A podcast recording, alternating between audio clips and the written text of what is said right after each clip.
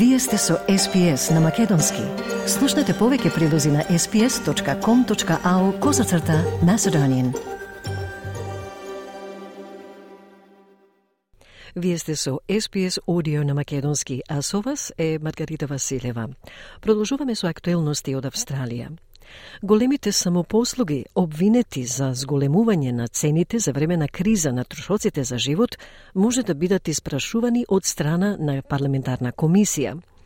Партијата на Зелените ќе се обиде да формира комисија за истражување на влијанието на пазарната концентрација врз цените на храната и моделот на стратегии за цени што ги користи дуополот на супермаркетите. Повеќе од прилогот на Пеги Джекомелос за SPS News.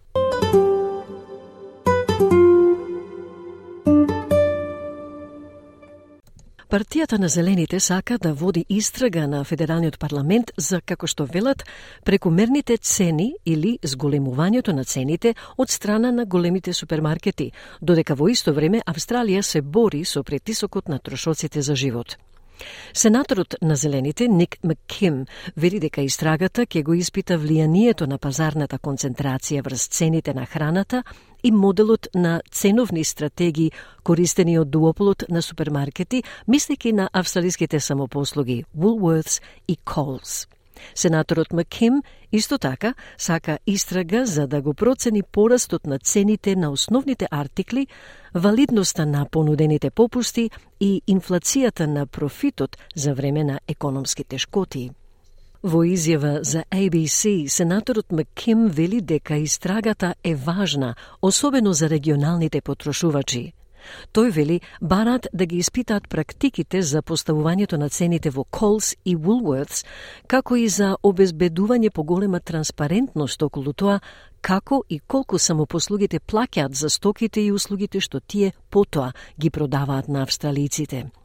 Сенаторот Маким вели сакаат да го разберат влијанието што го има концентрацијата на пазарната мојќ во овој сектор – Конкуренцијата е една работа што може да ги намали цените, вели тој, но има огромен недостаток на конкуренција, особено во регионалните и рурална Австралија, каде што често или купувате во еден од двата големи супермаркети или во аголната продавница, а често нема друг избор. We want to use this inquiry to examine the price setting practices of Coles and Woolworths. We want to use this inquiry to deliver greater transparency around the supply side. In other words, um, how and how much they pay for the goods and services, uh, the goods that they then sell uh, to Australians. And we want to understand the impact that uh, the concentration of market power in this sector, which is extraordinary, um, has because ultimately competition is one thing that can bring prices down, but there is a massive lack of competition, particularly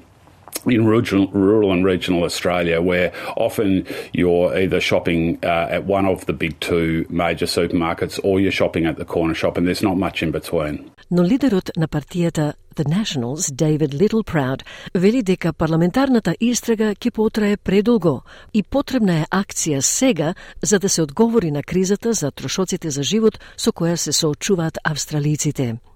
Тој настојува Австралиската комисија за конкуренција и потрошувачи, ACCC, веднаш да истражи дали се случува зголемување на цените. Woolworths и Coles заедно сочинуваат околу две третини од продажбата на намирници во Австралија. Како одговор на повиците за истрага, портпаролот на Coles ја даде следнава изјава. Цитат Колс секогаш истражува начини да ги намали цените на производите што ги продаваме и не е имун на зголемените трошоци за водење бизнис, трошоците за изградба, цените на енергијата, трошоците за логистика и пакувањето се зголемени, затворен цитат. Coles is always exploring ways to reduce prices on the products we sell and is not immune to the increased cost of doing business. Construction costs, energy prices, the cost of logistics and packaging have all risen. Портпаролот на Woolworths исто така одговори во изјава, цитат, Woolworths работи да испорача олеснување, како што почнуваме да ја гледаме стапката на олеснување на инфлацијата, ќе продолжиме да се фокусираме на обезбедување заштеди на нашите клиенти. Затворен цитат. Woolworths is working to deliver relief. As we start to see the rate of inflation ease, we will continue to focus on delivering savings to our customers.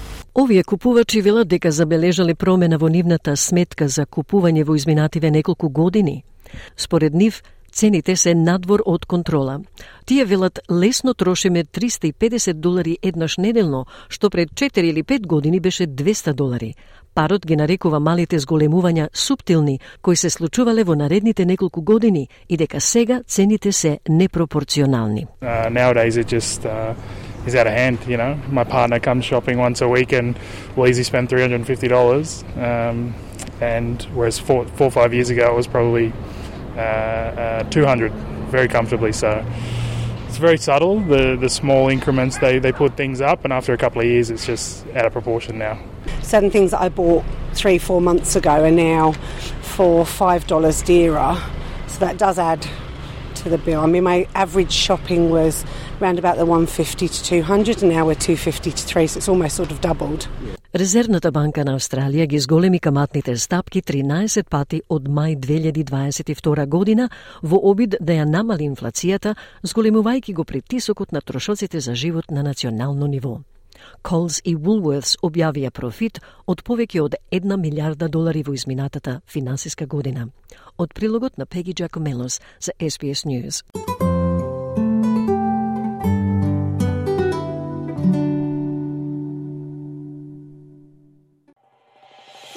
Сакате ли да чуете повеќе прилози како овој?